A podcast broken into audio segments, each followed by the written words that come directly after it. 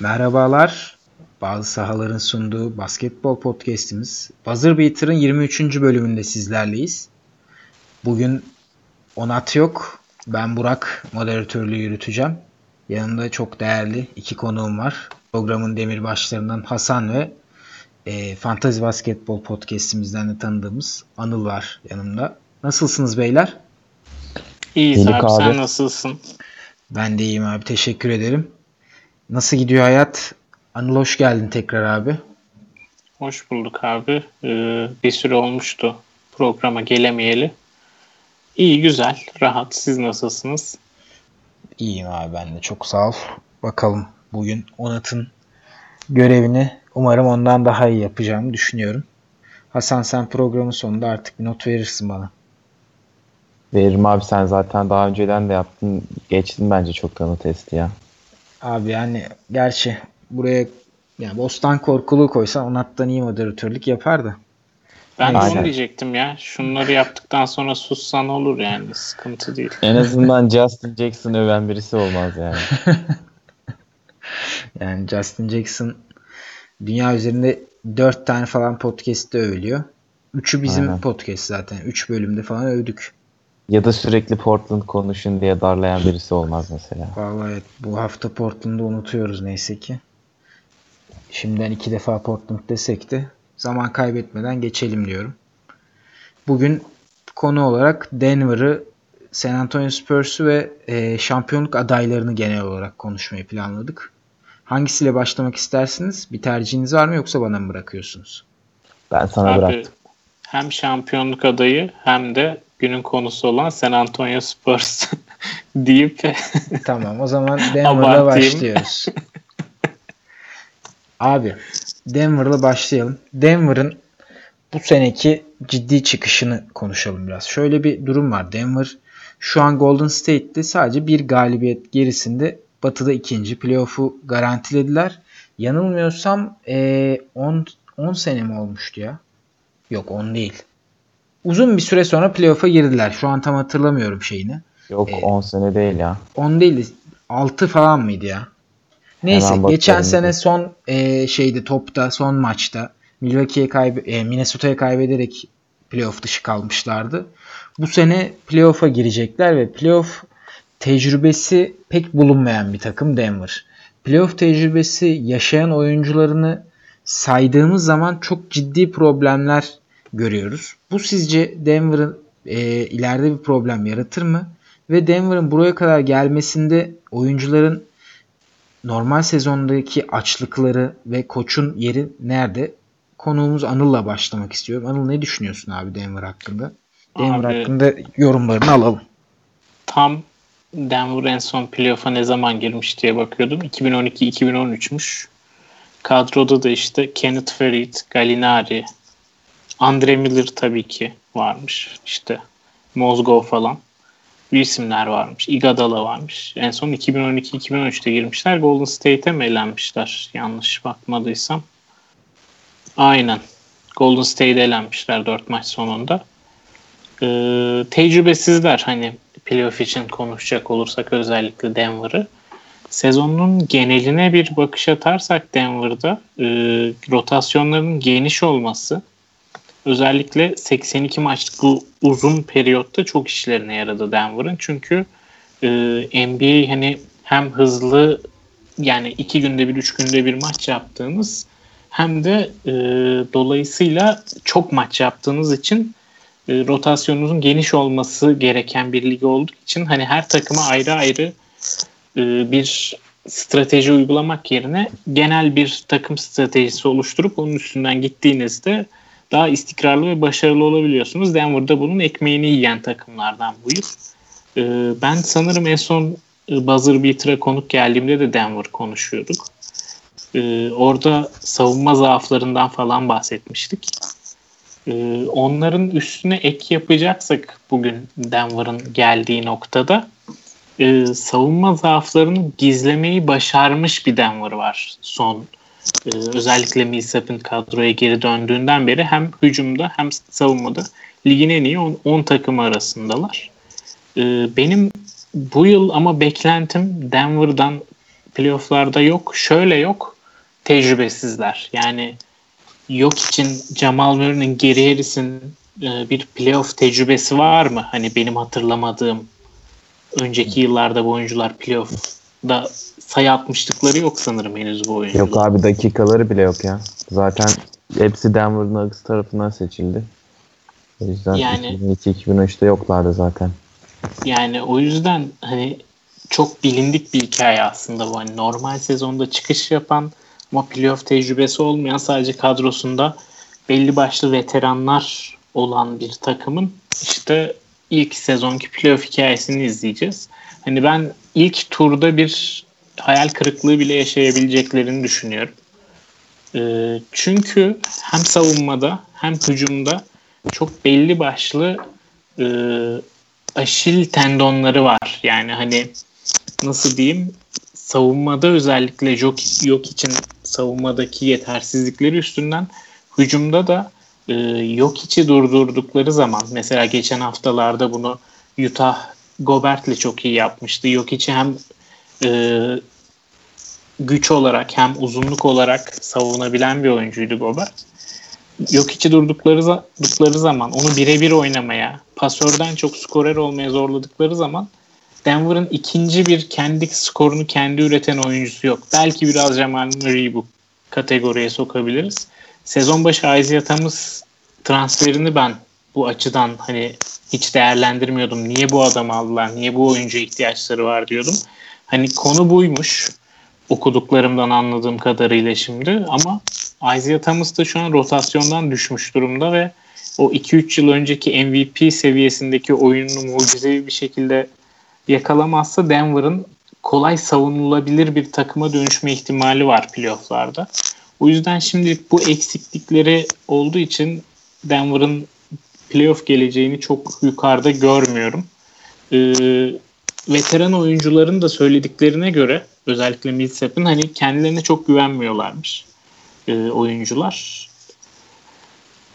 Hani m, birazcık şeydeler Denver şu noktada beklentilerin artan beklentilerin altında biraz ezilme noktasında ne, ne yöne gittiklerini bilemeyen bir noktadalar. Biraz karışık bir durum deyip siz, sözü geri size bırakayım. Abi ben şöyle Hasan'a pası atacağım. Denver'ın e, Golden State'ten sonra ligin en iyi ofansif e, reytingine sahip takımlarından biri olduğunu biliyoruz. Dördüncüler ligde. Houston ve Milwaukee ile neredeyse aynı ofansif reytingleri. Ve Golden State'de çok benzer şekilde bir top yönlendirmesine dayalı, ball movement'a yani top hareketlendirmesine dayalı olarak bir ofansif sistemleri var. Ben Hasan Apas'ı bu ofansif sistem playoff'ta ne kadar etkili olur, ne derece kullanabilirler yok iç temelli ve rol oyuncularının daha doğrusu e, All-Star sınırına yakın oyuncuların top yönlendirmesi playoff'ta ne derece etkili olur bunu sormak istiyorum Hasan. Sen ne düşünüyorsun abi? Denver'ın hücum olarak playoff'ta neler yapabileceğini öngörüyorsun. Abi Denver e, sen de söyledin zaten ligin en iyi 5 hücum takımından biri ve çok e, tek olan bir özellikleri var ligde. Bir yönleriyle çok özgünler. O da e, top yönlendiricilerinin, birinci oyun kurucularının pivotları olması. Ve bu da yani birçok takımın savunma dizilişine ters geliyor. Yani yok için bazen topu getirdiğini görüyoruz. Bazen dirsek daldığını ve e, topu dağıttığını görüyoruz ve ana top dağıtıcının pivot olduğu başka bir takım bilmiyorum ben. Var mıdır yani sizin şey yaptığınız? Abi Yok. pek yok Yani. yani. E, Denver Nuggets dışında böyle bir takım yok ve e, dediğim gibi bu savunmalara çok ters geliyor. E, bu verimlerinin e, en büyük sebeplerinden bir tanesi de bu hücumdaki verimlerin ve ben bunun playoff'ta da süreceğini düşünüyorum yani. Abi playoff'ta sürecek peki yani Denver'da sence peki daha doğrusu bu soru ikinize de sorayım.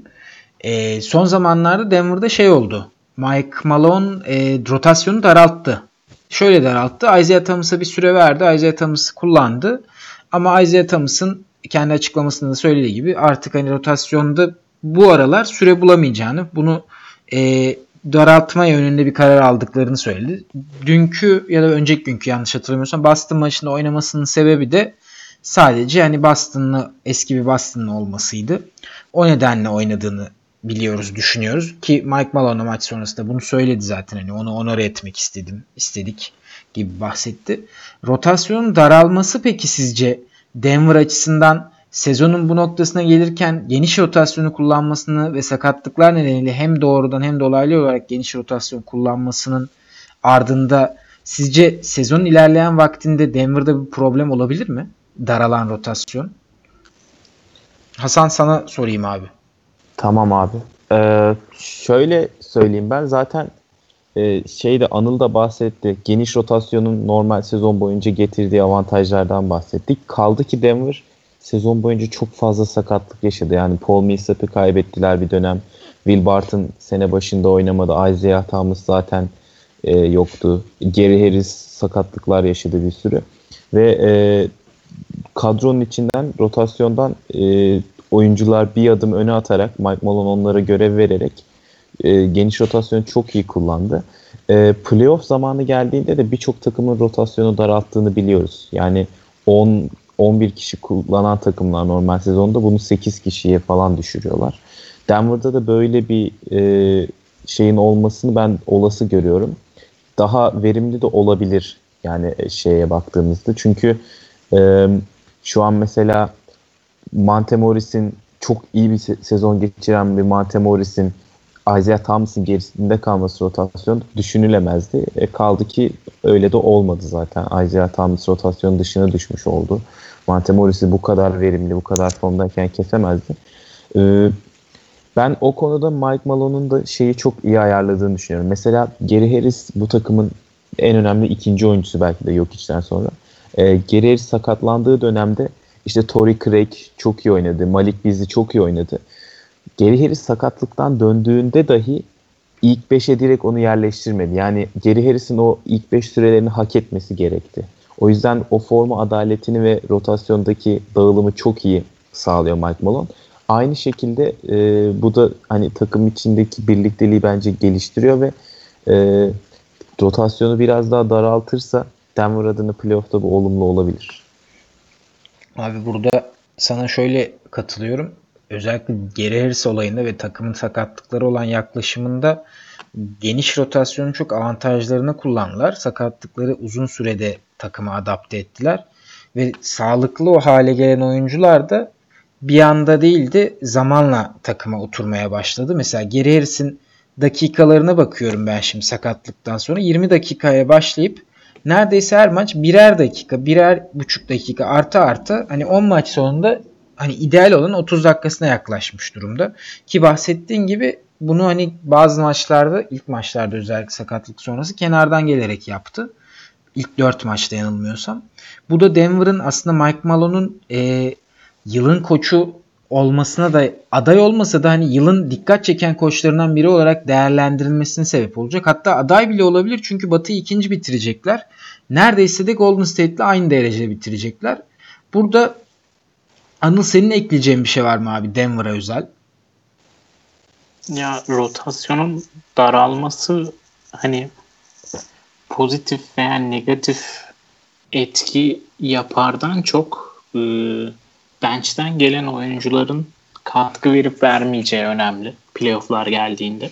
Hani bahsediyoruz ama Montemoris ve Malik Beasley çok iyi çıkış yaptılar ve bu sezon değerli katkılar verdiler ama onlar da çok tecrübesiz oyuncular ve playoff geldiğinde hani savunmalar sıkılaştığında e, gerçekten bence kendi skorunu üretebilecek oyunculara ihtiyaçları var ve Isaiah Thomas dışında hani Jokic'i bir kenara bırakıyorum. Isaiah Thomas dışında net bir isim göremiyorum ben.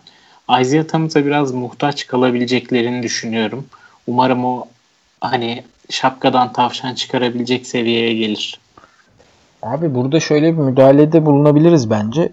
E, Denver %65'ini e, pardon %65 asist üzerinden sayı bulan bir takım ve top yönlendirme birinci sırada. Hani bu durum bu olunca aslında çok da e, ihtiyaç duymayabilirler mi diye de düşünmüyor değilim ben. Playoff Abi olsa dahi.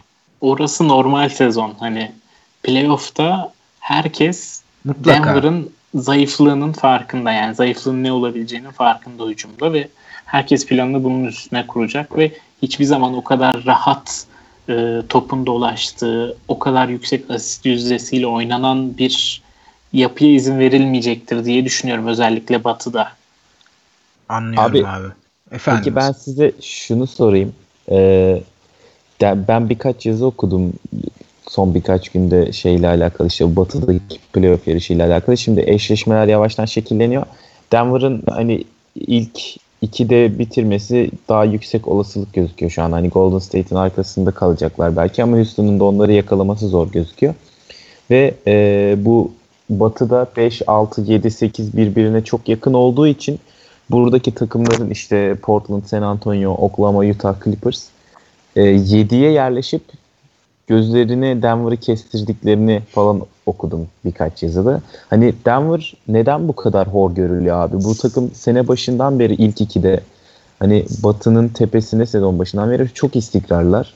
Ya neden bu takım şampiyonluk adayı olarak görülmüyor sizce? Ya da niye bu aşağıdaki takımlar Denver gözlerini kestirmiş durumdalar? Abi, abi benim düş Burak başlasın. Abi benim düşüncem aslında Anıl'ınkiyle paralel. Yani şöyle bu takım tamamen bir süperstarın sırtında taşıdığı veya bir dikkat çeken oyuncunun olduğu bir takımdan ziyade hani bir numaralı oyuncuları var ama onu destekleyen birkaç oyuncusu da olan ama tek başına bu mesela yok için tek başına bir maç aldığını kolay kolay görmedik. Yani çok nadir gördük şu NBA kariyerinde. Bundan kastım şey değil böyle e, maçı domine etmesi değil istatistiksel bazda. Bunun dediğim şey özellikle NBA ve NBA basketbolu kısaların e, hüküm sürdüğü bir alan olduğu için Jokic gibi inanılmaz yetenekleri olan bir uzun tek başına maç alması veya veya maçları domine etmesi uzun süreler boyunca veya sadece clutch anlar domine etmesi pek mümkün olmuyor. Çünkü kolay kolay e, mobil bir e, hareket alanı olmuyor yok için. Kendi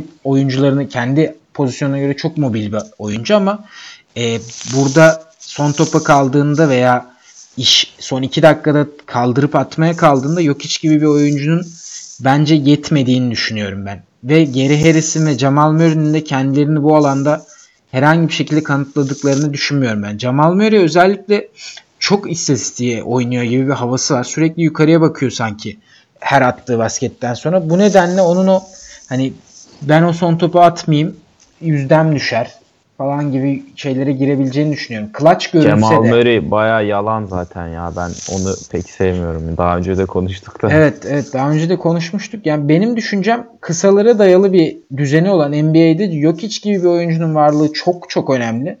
Ama bu yeterli değil. Özellikle takımı taşıma ve takımın kilitlendiği noktada kilidi açma noktasını ben yeterli olduğunu düşünmüyorum. Sen ne düşünüyorsun abi? Abi bunlara katılmakla birlikte ben de tecrübe eksikliklerini tekrar gündeme getireyim. O yüzden muhtemelen isteniyorlar. Ee, çünkü ne kadar önemli olduğunu biliyoruz. Yani onun dışında çok da eklenecek bir şey yok. Bir de şeyden bahsetmek isterim. Ee, Denver'ın şöyle bir sıkıntısı var. Denver'a karşı kullanılan şutların her 10 şutun bir tanesi köşeden üçlük şeklinde kullanılıyor.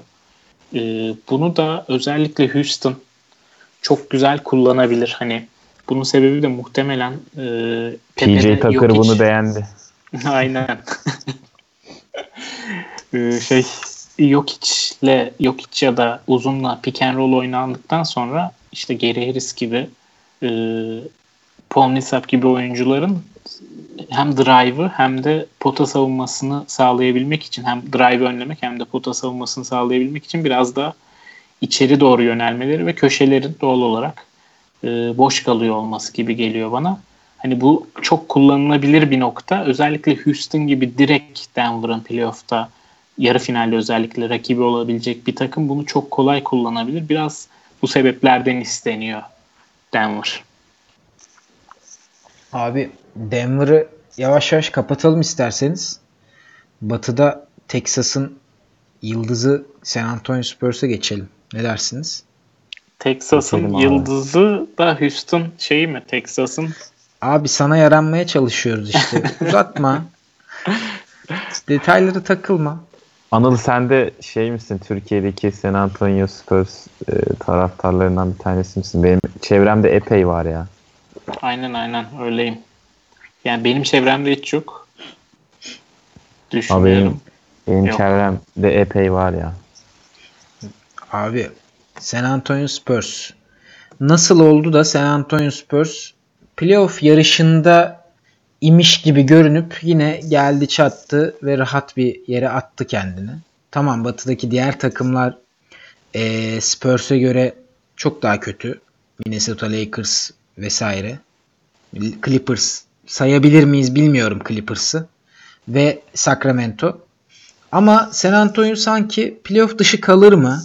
Kalacak mı derken şu an yine rahat bir şekilde sezon ortasın, sezonun bitmesine yakın yerde sıralama hesabı yapan takımlar arasında kendilerine yer bulurlar ve %60 şeyle galibiyet yüzdesiyle devam ediyorlar ve sezonu büyük ihtimalle 50 galibiyet civarında bitirecekler. Anıl sana şöyle pası atacağım. Bu takım ne oldu da yeniden toparlamaya başladı. Özellikle e, son kaç maçtaydı ya? Son 9 maçı mı kazandı San Antonio? Aynen. Evet galiba. Son son 10 maçı kazandı hatta. 10 maçlık bir galibiyet serisi var San Antonio'nun. Bunun sebebi nedir abi? Seninle başlayalım. Abi bunun sebebi özellikle Rodeo Trip meşhur Rodeo Trip o 8 maçlık deplasman turunun sonrasında maçları hem evimizde oynuyor oluşumuz hem de hani o Rodeo Trip'in çok e, kötü geçmesinden dolayı hani evdeki maçları kazanmaya konsantre olmuş oluşumuz. Ama en en en temel sebebi sezona en geniş pencereden baktığında tabii ki Greg Popovich'in elindeki malzemeyi kullanmayı çok iyi bilmesi. Ee, bu yayına gelmeden bir 5-10 dakika önce Twitter'da denk geldim. Ee, San Antonio Spurs hücum verimliliği olarak şu an tarihinin en iyi noktasında bu 2013-2014 dönemindeki o beautiful game dediğimiz e, topun çok iyi dolaştığı ve her zaman doğru şutu aradığımız dönemdeki hücumumuzdan da daha verimli bir hücumla oynuyoruz. Ki e, son 10 yılında en verimli 9. hücumu sanırım e, bu yılki Spurs istatistiklerinde. E, bir de şöyle bir nokta var abi. E, aslında oyun hücum oyunu Spurs'un çok değişmiş durumda. Yani o beautiful game ile alakamız yok artık. Maç başına en az pas yapan 3. ya da 4. takımız. Top aslında o kadar çok dolaşmıyor. Ama top dolaşmamasına rağmen e, Spurs yine en iyi şutu bulma konusunda çok iyi bir noktada ve asist rakamlarında da sanırım ilk 10 içerisinde ligin. Top bu kadar az dolaşmasına rağmen yine doğru şut bulunup o doğru şut bulunduğu için asist rakamlarında yine ligin en iyileri arasında takım. Ee, savunma zaafları vardı. Sezon boyunca savunma zaafları vardı takımın ve bu deplasmanlarda çok fazla ön plana çıkıyordu. Ee, özellikle takımda ki savunma zaafının temel sebebi hem oyuncu grubunun birbiriyle daha önce çok fazla oynamamış olması. Çok fazla ayrılık oldu sezon yazın sezon başında. Çok fazla yeni gelen oyuncu oldu. Hem oyuncular şu an birbirine biraz daha alışmış durumda ki bunun olması bekleniyordu. Ee, tabii ki sezon ilerledikçe. Ama savunma zaafının temel sebebi e, bireysel olarak oyunculara tek tek baktığımız zaman hiçbirinin iyi savunmacılar olmayışı. Hepsi ortalama veya kötü savunmacılar. Ee, bir tek Derek White e, fark yaratarak yani fark yaratan bir oyuncu savunmada şu an San Antonio'da ama onun dışında e, rakip oyuncuları savunmak için ikinci bir opsiyon çıkmıyor. Bu da playoff'ta muhtemelen çok sıkıntı yaratacaktır. Mesela Golden State gibi bir rakibin 3 tane dış ana skoreri olduğunu düşünürsek Curry, Klay Thompson ve Durant gibi e, hani hangi birini koyacaksın, hangisini tutacak Derek White? Böyle sıkıntılar muhtemelen yaşanacaktır playoff'ta. Şu an en yumuşak karnımız bu gözüküyor. Ama bir şekilde e, bu üçlüğün ve pota altından bitirmenin e, daha verimli yolların arandığı bu NBA düzeninde orta mesafe şut ata ata San Antonio Spurs hem matematiğe hem de Batı'nın iyi takımlarına meydan okuyor diyebilirim sezonun genelinde. Abi güzel bir özet oldu. E, ağzına sağlık öncelikle. Ben burada Hasan'a şöyle soru soracağım. Hasan ben şimdi baktığımda abi San Antonio'nun evinde 29 galibiyet 7 yenilgide olduğunu görüyorum. Ve bu NBA'de onları en iyi derece ile eşdeğer yapıyor. Yani en iyi derece yanılmıyorsam Denver'ın da 36. Bunda tabii ki rakımın da büyük payı var. Ama San Antonio'da şöyle bir problem var abi. Deplasman maçlarında 13 galibiyet 22 yenilgi durumundalar. Bu sezonun geri kalanında San Antonio'nun ev sahibi avantajını alabilmek için, home court'u alabilmek için ne kadar çabalayacağını düşündürtüyor sana. Ee, acaba San Antonio'nun bu dakika ayarlamaları, playoff'a doğru biraz daha oyuncuları diri tutma çalışmaları bu nedenle sekteye uğrayabilir mi? Ne düşünüyorsun abi? Abi e, sağ avantajını elde etme konusunda kesinlikle katılıyorum. Çünkü e, şu anda zaten e, ilk dörtle aralarında çok fazla maç yok yani hemen e, bir buçuk iki maç gerisindeler dördüncü Portland'ın. Yani şu ivmeyi devam ettirirlerse üçüncü bile olabilirler Houston'ı e, alt edip yani Denver'la Golden State'e belki yetişemezler. Ama kesinlikle o iç saha avantajını elde etmeye çalışacaklarını düşünüyorum ben de. Çünkü şu an playoff'taki yerleri garanti. Ee, Sacramento oradan gelebilecek gibi gözükmüyor. Yani matematiksel olarak durum ne pek bilmiyorum ama çok Abi, çok zor yani. 7 maç var. Matematiksel olarak da aslında çok mümkün değil ya. Yani yani mucizeye yakın bir şey olması lazım. Tabii tabii. Ee, o, o yüzden sana katılıyorum yani bu istatistik de doğrular nitelikte. Ee, onun dışında şey konusunda rotasyon konusunda da Sacramento ay Sacramento diyorum.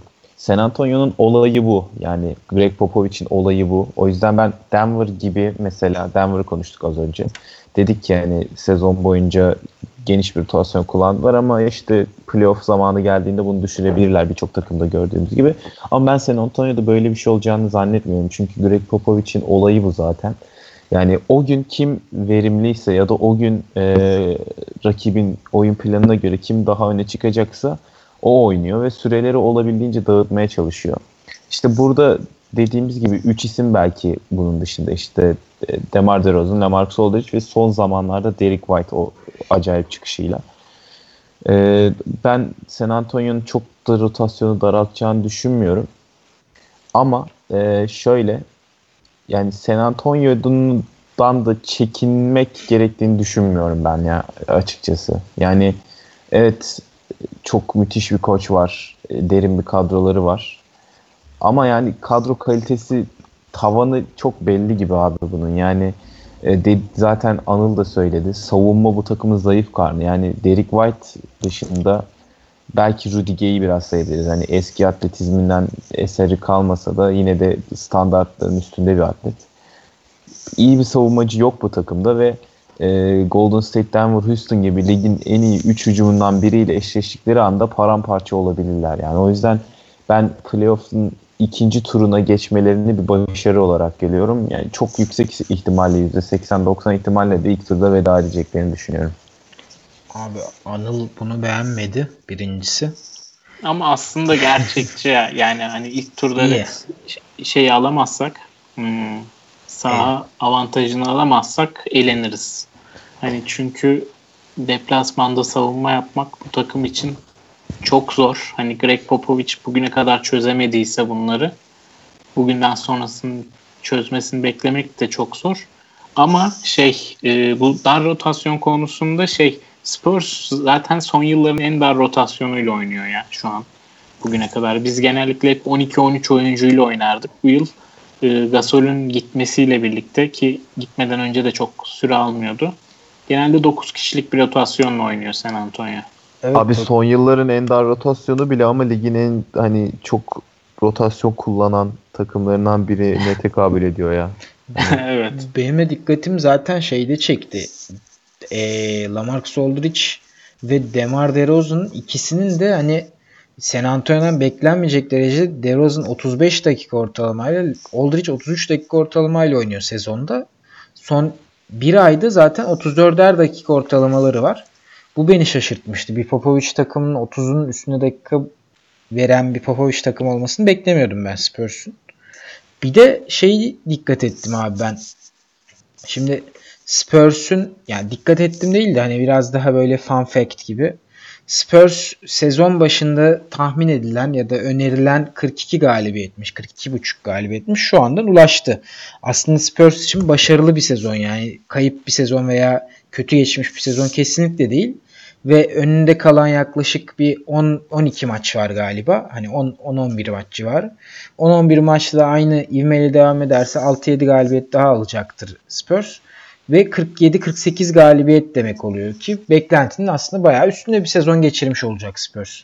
Ya bunun sebebi peki sadece rotasyonu iyi kullanan çok iyi bir değerli bir koç olan Popovic mi? Oyuncuların bireysel olarak bir artısı var mı burada? Ne düşünüyorsunuz? Özellikle e, Aldrich DeRozan ikilisi eski moda ikililerden ama ligi hani birçok noktada ligin en iyileri arasında, elitleri arasında ikisi de.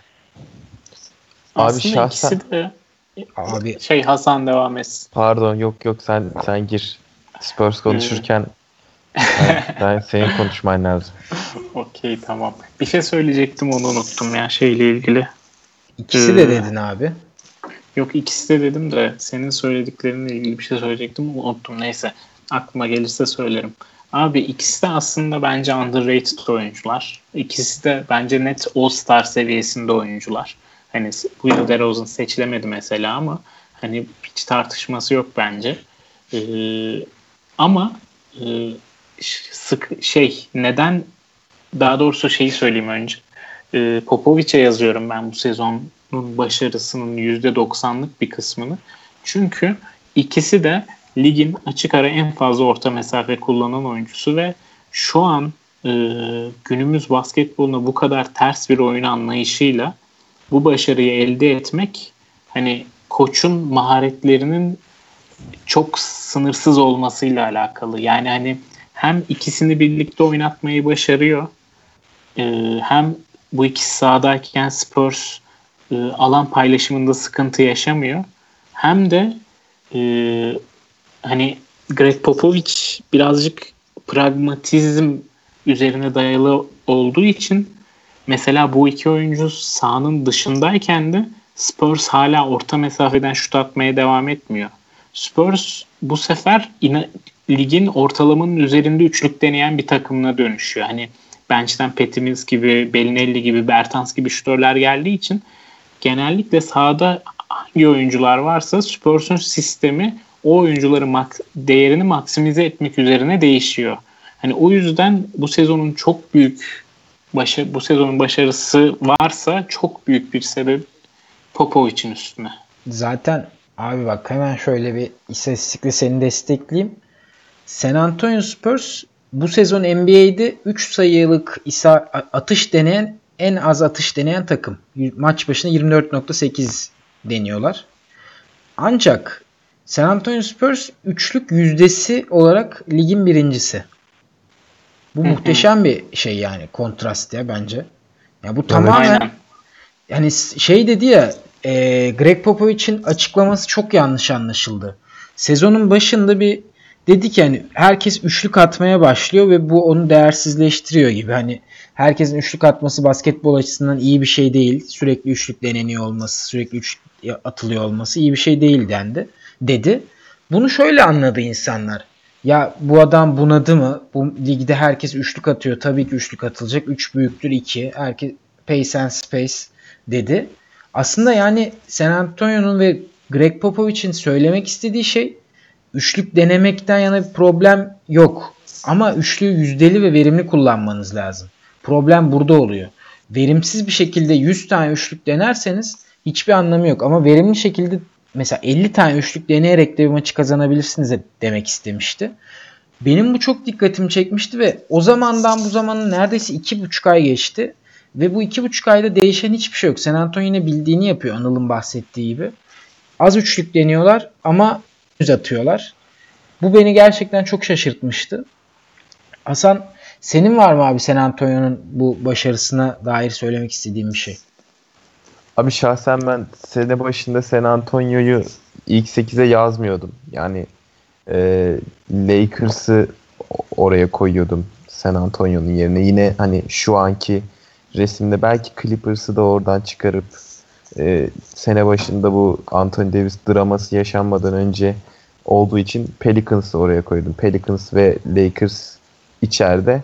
San Antonio ve Clippers dışarıdaydı benim sene başındaki Batı playoff tahminlerime göre. Ama e, yani yine şaşırtmadılar. Playoff'a girdiler. E, biraz da sıkıcılar. ben, ben sıkıldım artık yani San Antonio'dan. Hani seviyorum evet çok hani San Antonio kültürü yıllardır playoff yapıyorlar başarılılar. Oyuncular buluyorlar, yetiştiriyorlar. Hiç kimsenin hani şans vermediği oyunculardan acayip bir şeyler çıkartıyorlar ama sanki artık onlar için hani tekrar bir tepeye çıkmak için bir dibe vurma vakti gelmiş gibi yani çünkü bu şekilde devam ederlerse e, muhtemelen hiçbir zaman o en tepeye çıkamayacaklar. Yani başlarında Popovic bundan sonra bir ya da iki sene daha olacak. E, Popovic'ten sonra o kalibrede bir antrenör bulmaları çok zor olduğu için bir dibe vurmaları gerekiyor. Ama e, bunu nasıl yapacaklar bilmiyorum. Yani mesela draft'ın ilk 5 sırasından bir süperstar adayı çekebilmek için ligi çok kötü derecelerle bitirmek gerekiyor. Yani tabii tanking yapsınlar demiyorum. Ama e, şu anki gidişatta onu yapacak gibi durmuyorlar. Ama yani yine de keyifli ya Popovic'i ve Popovic takımlarını izlemek keyifli yani. Playoff'ta olmaları da iyi oldu bence. Abi zaten Anıl da katılır. O da söyler zaten şeyi. Yani Popovic olduğu sürece tanking yapılmaz herhalde şeyde Spurs'te. O ya nedenle... muhtemelen Popovic olmasa da yapılmayacak. Çünkü yani son 15 yılda yarattıkları kültüre çok ters geliyor sanki yani. Hiç tanking yapmazlar gibi geliyor bana. Abi Popovic sen takımın başında olmasa bile bence hani emekli olduktan sonra front ofiste de görev alacaktır ya da danışman olarak çalışacaktır ama R.C. Buford'un varlığı devam edecek. Hani o tanking bence Spurs için çok uzak bir ihtimal. Ee, şeye değineyim. Hani draft'ın ilk 5 sırasından bir süper yıldız olayına. Yani evet Duncan bu şekilde bulundu. Hatta direkt tanking yapılarak Duncan Evet o da şeyin başlangıcı işte. Yani o hanedanın başlangıcı aslında Aha. tanking. Ama hanedanın devamı da aslında 15. sıradan bir Kawhi Leonard hamlesiyle gelmişti. Ya Ta hatta ki... Kawhi Leonard'dan önce Manu Ginobili, Tony Parker hani Kawhi Leonard'a kadar gitmeye de gerek yok. Çok haklısın yani o konuda. İşte acaba Spurs bu kadar iyi scouting sistemi varken, bu kadar iyi bir kültür oturtmuşken yine bulur mu diye düşünüyorum. Çünkü mesela 29. sıradan Derek White'ı bulup çıkarmak sonra da onu bu şekilde geliştirmek ya da yine 20'lerden Dejante Murray'i bulup e, en genç savunma takımına seçilen oyuncu haline dönüştürmek hani hep bunlar bir kültürün getirisi ve bunu devam ettirmek gerektiği düşünüyorum. Şeye eklemek istediğim bir şey var aslında ya bu üçlük meselesine. Yani Popovic aslında bunu bugün söylemedi yıllardır söylüyor Popovic bunu. Ama bugün söylediğinde olay oldu. Niye? Çünkü üçlüğün zirve yaptığı noktada ilk defa ters gelen bir durumla karşı karşıyayız. Popovic'in bunu söylemesinin arkasındaki neden aslında şu. Hani madem o kadar uzaktan şut atmaya değer veriliyor o zaman 4 sayılık da olsun, 5 sayılık da olsun. Taraftar eğlensin. Hani biraz sirke dönsün o zaman oyun. Hani madem 3 sayılık atmak bu kadar bu kadar çok üç sayılık atmak bu kadar eğlenceli bir şey hissediyor. Hani oyunun tadını kaçırdığını düşünüyor Popovic ama şey değil hani bu kendi görüşüyle asla işine bu iki görüşü karıştırmıyor. Hani birbirine işiyle kendi basketbol görüşünü ayrı tutuyor ki San Antonio 2014'te o şampiyonlukta ligin en fazla üçlük deneyen takımlarından biriydi. Yani ilk 2-3 takımından biriydi en fazla üçlük deneyen üçlükten nefret ettiği için bu yıl San Antonio üçlük denemiyor değil. Sahada şütörleri olduğunda San Antonio çok üçlük deniyor. Ama DeRozan ve Aldridge varken üçlük üstünden oynamak mantıklı değil. Hani şey karıştırılıyor biraz orada işte o açıklamaların e, altındaki yatan nedene bakılmıyor. Sadece o manşet olan kısma bakılıyor. Evet, bir San Antonio Spurs'ün yakarışını dinlediniz. bu ve daha fazlasını da bu ayki Bazı Sahalar dergisinde San Antonio yazımda bulabilirsiniz diye hemen reklamı da yapalım. Disclaimer da verdi orada. Abi o zaman San Antonio'ya ekleyeceğiniz bir şey yoksa son konumuza geçelim diyorum. Abi San Antonio'ya ekleyeceğim çok ufak bir şey var. Ee, 2014 yılında Dünya Şampiyonası'ndan sonra e, bir video var FIBA'nın kanalından yayınlanan. Greg Popovich e, bu şampiyonada görev alan antrenörlerle tabii daha çok genç olanlarla birlikte böyle bir soru cevap ya da konuşma tarzı bir etkinlik gerçekleştiriliyor ve o 30 dakikalık videoda bütün temelini anlatıyor olayın. Yani hani bahsediyoruz ya 20 yıllık kültür, işte oyuncu gelişimi, 20 yıldır çok istikrarlar falan filan. Bunun en temelindeki adamdan bu işin nasıl yapıldığını, nasıl bugünlere geldiğini öğrenmek 30 dakika inanılmaz zevkli bir video. Hani bilgiyle doluyorsunuz. ilhamla doluyorsunuz videoyu izlediğinde. En azından bana böyle oluyor. San Antonio'lu olduğum için muhtemelen ama her basketbol severe etki edebilecek noktada bir video bence. Onu önereyim buradan. Hani YouTube'dan rahatlıkla bulup izleyebilir dinleyicilerimiz. Evet buradan video önerisiyle de isterseniz şampiyonluk adaylarını veya aramızda konuşurken program öncesinde şöyle demiştik. Golden State'in karşısında durabilecek takımlar kimler diye düşünmüştük. Çünkü Golden State açık favori. Bundan yana hiçbir şüphemiz yok. Ama hani mesela 3 takım, 5 takım aklımıza kimler gelirse onları konuşalım dedik. Sizce Golden State'in karşısında durabilecek takımlar konferans konferans gidebiliriz isterseniz. Yani batıda batı finalinde Golden State'i yenebilecek takımlar olarak kimleri görüyorsunuz? Finalde karşılaşırsa Golden State'li doğudan kimler Golden State'i 7 maç sonunda devirebilir? Bunları konuşalım isterseniz. Ee, Hasan seninle başlayalım abi. Golden State'i bir takım yendi diye bir haber okudun. Bir sabah uyandın. Haziranda bir sabah uyandın. Golden State kaybetti. NBA pardon NBA Batı finallerinde Golden State'i deviren X takım. O X takım kim olsa daha az şaşırırsın veya kim olmasını beklersin. Abi komaya girdim herhalde. Oraya kadar kaçırdım. Abi yok ee, o sırada e, balayındasın diyelim. O kadar uzun bir balayı yani. Abi Bakamaz o sırada telefondan. Bu NBA'in zevki kaçtı. Bu Golden State nasıl olsa şampiyon oldu diye takibi bıraktım. Evet yani. Neyse tamam öyle olsun. Senaryo istediğin gibi düşün abi. Sadece tamam. o takım kim olur? Şöyle olsun senaryo. Ee, komaya girmiş olayım ben. Yani ee, olmasa daha uyanmış iyiydi. olayım. Sonra Batı finalinde şey Batı finalindeki benim olağan şüphelim birinci şüphelim Houston olur abi. Ee, çünkü yani şu an James Harden acayip işler yapıyor. Çok formda Houston. Chris Son istatistiği gördünüz mü? İstatistiği. Neyin? Hangisi? Abi NBA'de bir sezonda bütün takımları 30'dan fazla sayı Aa, atmış herif. Evet ya. Hasta yani. yani. Gerçekten saçmalık. Yani şu an çok tıkırında gidiyor işler orada ve çok iyi bir zamanda form tuttular. Ee, hani form tutmasalar bile muhtemelen e, batıdaki takımlar içinde en olağan şüphelim Houston olurdu. Batıdan ikinci şüphelim Oklahoma City Thunder olurdu. Yani Oklahoma şu an 8. de bitirebilir. Yani öyle de bir ihtimal var. Orası çok karıştı.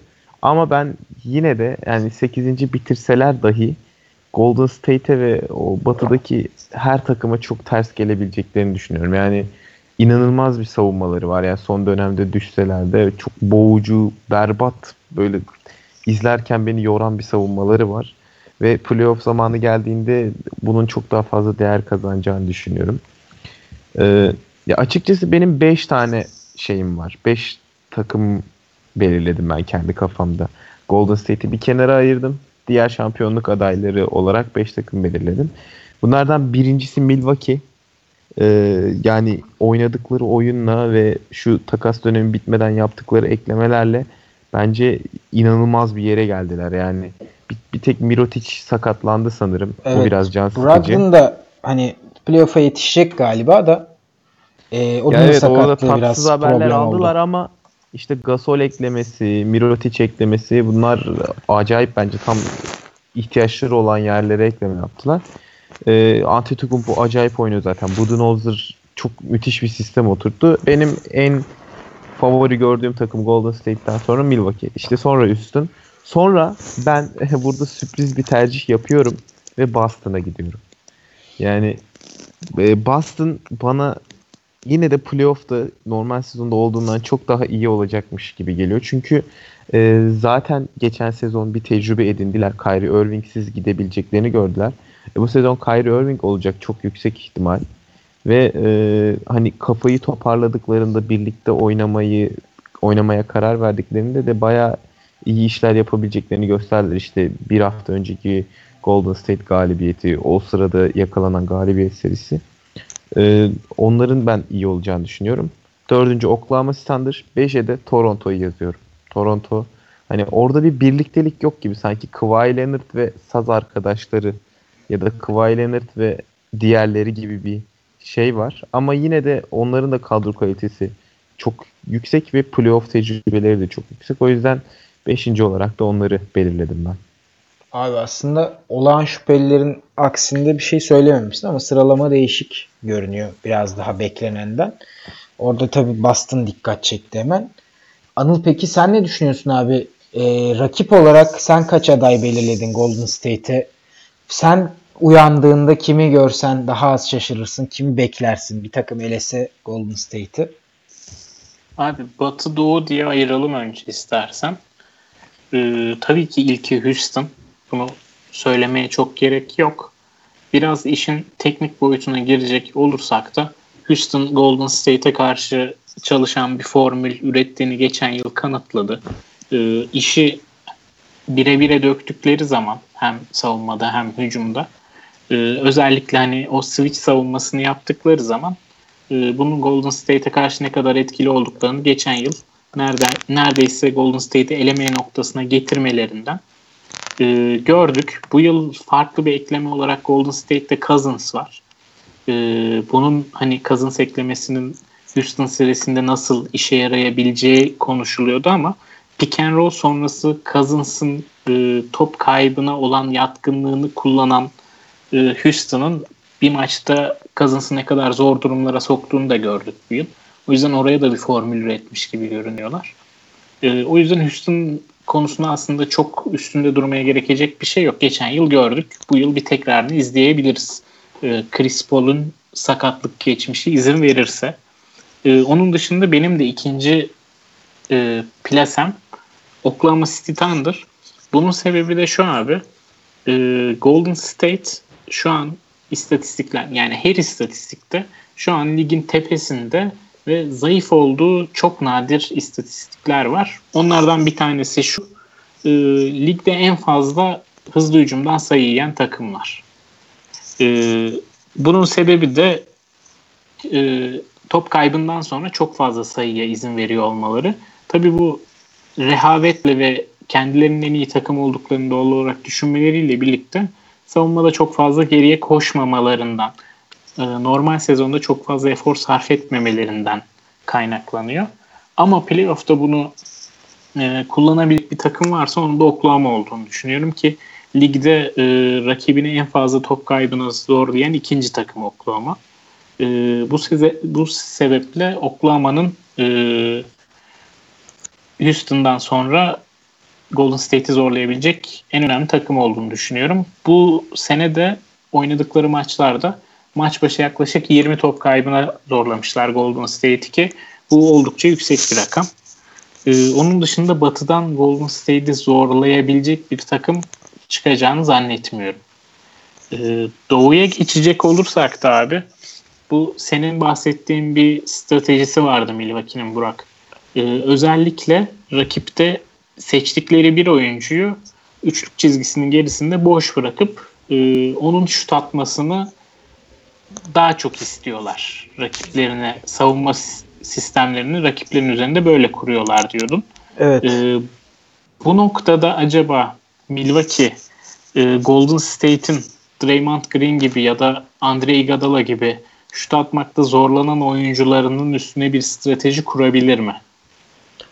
Abi mutlaka kurabilir de şimdi birincisi hepsinden önce Milwaukee'nin önce oraya gelmesi lazım finale. Ha tabii. Uzun bir yolu var. İkincisi de e, Golden State bunu zaten deneyimlemiş bir takım. Neden? Cleveland serisinde zaten Cleveland bunu yapmaya çalışmıştı. Hatta yıllardır bunu yapmaya çalışıyor. Draymond Green'in e, hani şut atmasından bir problem görmüyorlar ve onu boş bırakmaya çalışıyorlar. Milwaukee'ninki biraz daha kümülatif bir şey. Yani tek oyuncuya yönelik değil de takım olarak üçlüye biraz daha izin veren yapıları var. Bunun sebebi Mike Budenholzer'ın savunma stratejisinin bu olmasının tam olarak sebebini bilmiyorum. Sadece bu dikkat çeken bir şeydi ve geçtiğimiz gün sana da söyledim bunu. Miles Turner ilk yarıdan 8 üçlük denedi Indiana maçında. Hı hı.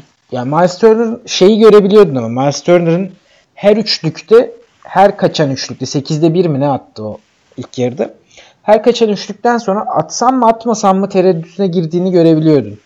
Ben Golden State'te bunun çok etkili olacağını düşünmüyorum. Yani başka bir takım olsa veya 2015-2014 Golden State olsa olabilirdi ama bu takım artık yani kaçan şutlardan sonra ne oluyoruz demeyi veya kendine güveni bırakacak bir takım kesinlikle değil. O nedenle Milwaukee'nin o stratejisi işe yarasa dahi bir maçlık yarayabilir diye düşünüyorum veya iki maçlık yarayabilir ama bunun bütün bir seriye etki etmesi Steve Kerr gibi bir hani zeki bir adamın olduğu yerde pek makul gelmedi bana. İyi bir stratejiden ziyade tam anlamıyla hani katastrofik bir strateji de olabilir bu. Bir anda Abi, 20 sayı fark yiyebilirler 3 dakika içinde, 5 dakika içinde. Yani bunun etkili olması için iki sebebim var benim. Bir tanesi evet Golden State her kaçan şuttan sonra e, artık paniklemeyecek kadar tecrübeli bir takım. Ama Draymond Green de bu boş bırakıldığında özellikle hani ona saygı gösterilmediğinde e, şutuna olan güvenin azaldığını gördük bundan önce. Senin de bahsettiğin gibi pek çok takım bunu denedi. Ve Draymond Green bazen bu noktalarda boş kaldığında üst üste şutları sokup gaza gelen bir oyuncu olsa da bazen o özgüvenin düşmesiyle beraber o şutları üst üste kaçırabilen bir oyuncu da. Iguodala için de geçerli bu. Bir de ikincisi şu, evet Golden State'e karşı bu denendi ama bunu hiçbir takım sezon boyunca bir strateji olarak uygulayıp da gelmedi bu noktalara. İlk defa Milwaukee uzun süreden sonra 3 e, sayının gerisinden seçtiği oyuncuyu boş bırakma gibi bir strateji üstünden sezon boyunca ilerliyor. Hani çok alışık olacakları bir stratejiyi etkili olabilecek bir noktada kullanabilirler mi diye düşünüyorum. Ben biraz daha optimistliyim eğer olur da bu iki takım karşılaşırsa playofflarda bu stratejinin işe yaraması konusunda. Abi e, ben çok optimist değilim ama hani anlayabiliyorum yani bunu sonuçta deneyebilirler. Ve Draymond Green'in istatistiklerine bakarken zaten dikkat çeken bir şeydi. Bu sene son 5 yıldaki en düşük e, sayı ortalamasına sahip ve üstüne maç başına son 5 yılda 3.5 civarında üçlük denerken bu sene e, iki buçuk deniyor. Hani üçlük de denemiyor artık. Bunun en büyük sebebi tabii ki Demarcus Cousins ama artık Draymond Green de sanki o kendine has işlerini yapmaya odaklı şutla çok alakası olmayan maç başına zaten 6 şut kullanan bir oyuncu haline gelmiş. Yine son 5 sezonun en düşüğü.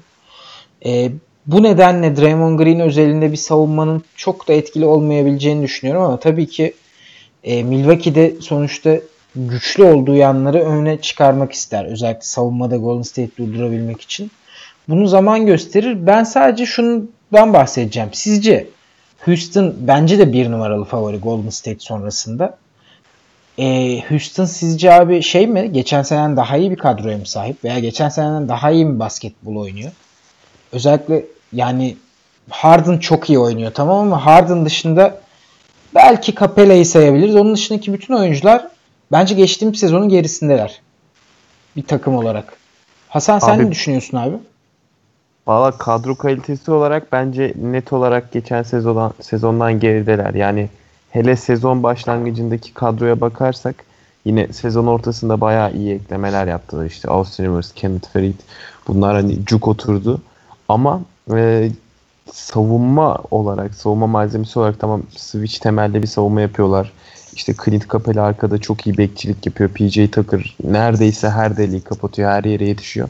Son dönemde de iyi kotarıyorlar o işi ama geçen sene mesela Luke Mbamute vardı, Trevor Ariza vardı. Bunlar pozisyonlarına göre çok iyi savunmacılar ve çok da fizikli oyunculardı. ee, bu sene ben aynı şeyi söyleyemeyeceğim. Hani kadro kalitesi olarak daha iyiler diyemem. Yani belki hatta daha kötüler. Ama e, oyun olarak geçen seneye yakın bir noktadalar bence. Çünkü çok formdalar. Yani Harden bir iki adım yukarıda zaten geçen seneki oyunundan artık acayip bir yerde. Ve e, Chris Paul fena dönmedi sakatlıktan. İşte Kenneth Farid'den çok iyi katkı alıyorlar. E, Austin Rivers çok iyi süreler alıyor. Çok fazla süre alıp iyi performanslar veriyor bence. Kadro olarak iyi olmasalar da oyun olarak geçen sezonki e, playoff vaktin geçen sezon playoff vaktindeki performanslarına yakınlar bence. Anıl sen ne düşünüyorsun abi Houston'ın geçen seneye oranla kıyası hakkında? Ya bir noktada bunun aslında Golden State'i yenmek için önemli olmadığını düşünüyorum. Yani geçen sezonki kadar iyi olmalarına gerek yok Golden State'i yenmeleri için. Bence geçen sezondan daha pragmatist olmalarına ihtiyaçları var. Bence o noktadalar şu an. Hani geçen sezonki kadar iyi değiller her takıma karşı. Ama Golden State'e karşı geçen sezondan bir tık daha çıkarıcı bir noktadalar. Hani geldikleri nokta açısından. Ee, o yüzden hani geçen sezondan daha yüksek görüyorum bu yıl Golden State'i eleyebilme ihtimallerini. Anlıyorum abi. Ben de e, daha yüksek görmesem de biri eleyecekse Houston olabilir diye düşünüyorum ama elemesinde pek mümkün görmüyorum açıkçası. Milwaukee'ye pek şans vermiyorsun galiba sen. Abi Milwaukee'nin yolu öbür tarafta çok uzun yani. Hani orada Toronto'su, Boston'ı, Philadelphia'sı olacak. Hani oradan bir şekilde çıkarsa o zaman yine final öncesi seride şeyde podcast'te konuşalım.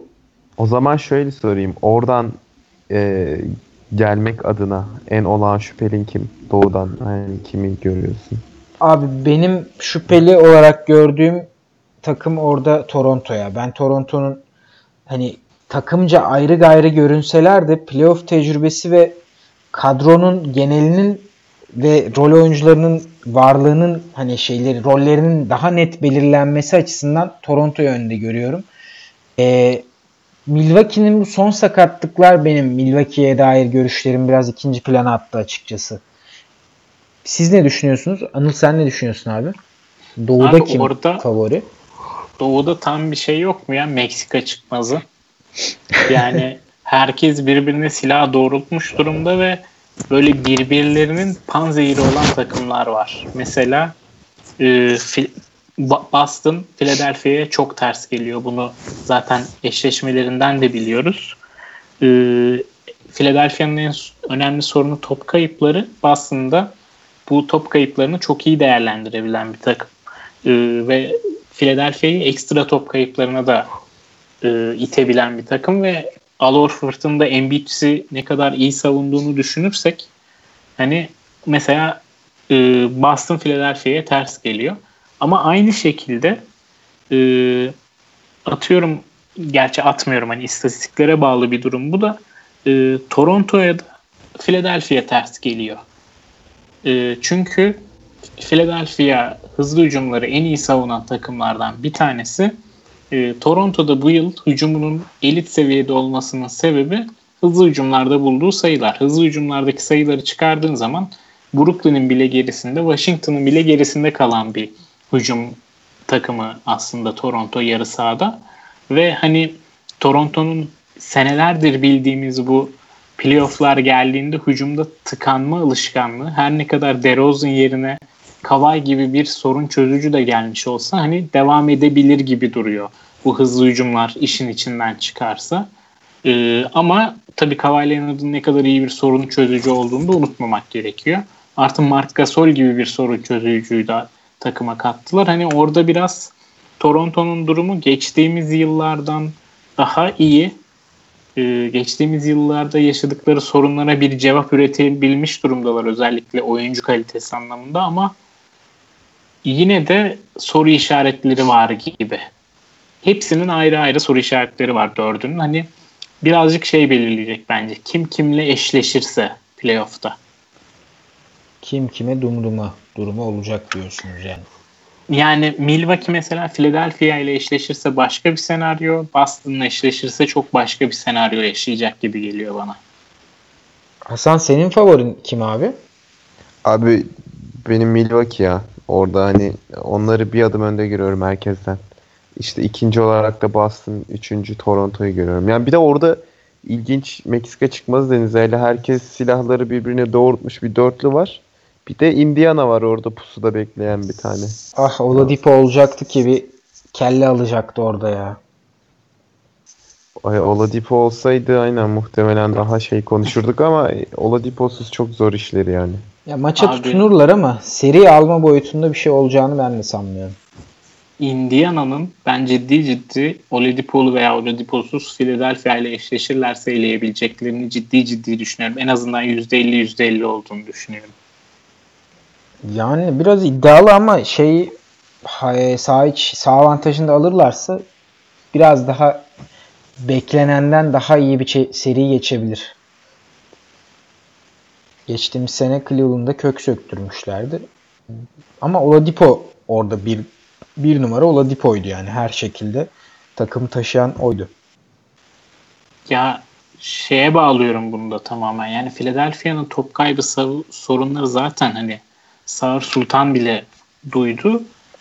Playoff geldiğinde iyice artıyor ve e, Indiana ligin en çok top kaybına zorlayan takımı rakiplerini. Hani bu ikisi birleştiği zaman tam bir şeyi e, Antidotu. anti aynen Philadelphia'nın. Evet bakalım biraz daha netleşirse önümüzdeki haftalarda playoff fikstürü özellikle doğuda daha net konuşabiliriz abi. Ekleyeceğiniz bir şey var mı? Abi son bir soru sorayım ben size. Tabii abi. Ee, en çok beklediğiniz eşleşme playoff'ta. Şu iki takım oynasa dediğiniz. Galiba Philadelphia Boston benim. Abi benim benim de Philadelphia Boston doğuda. Ee, bir de şu son gerilimlerden sonra bir Oklahoma Utah görmek isterim. Senin abi? Abi benim Oklahoma Golden State sanırım. O, o da çok acayip olur ya. Acayip Hakikaten. olur. Umarım adının hakkını verir yani bu eşleşmeler. Tek taraflı bir eşleşme görmek istemiyorum ya ben. Belki Abi. doğuda 1-8-2-7 öyle olur. Onun dışında çok batıda zaten hiç öyle bir eşleşme olmayacak muhtemelen.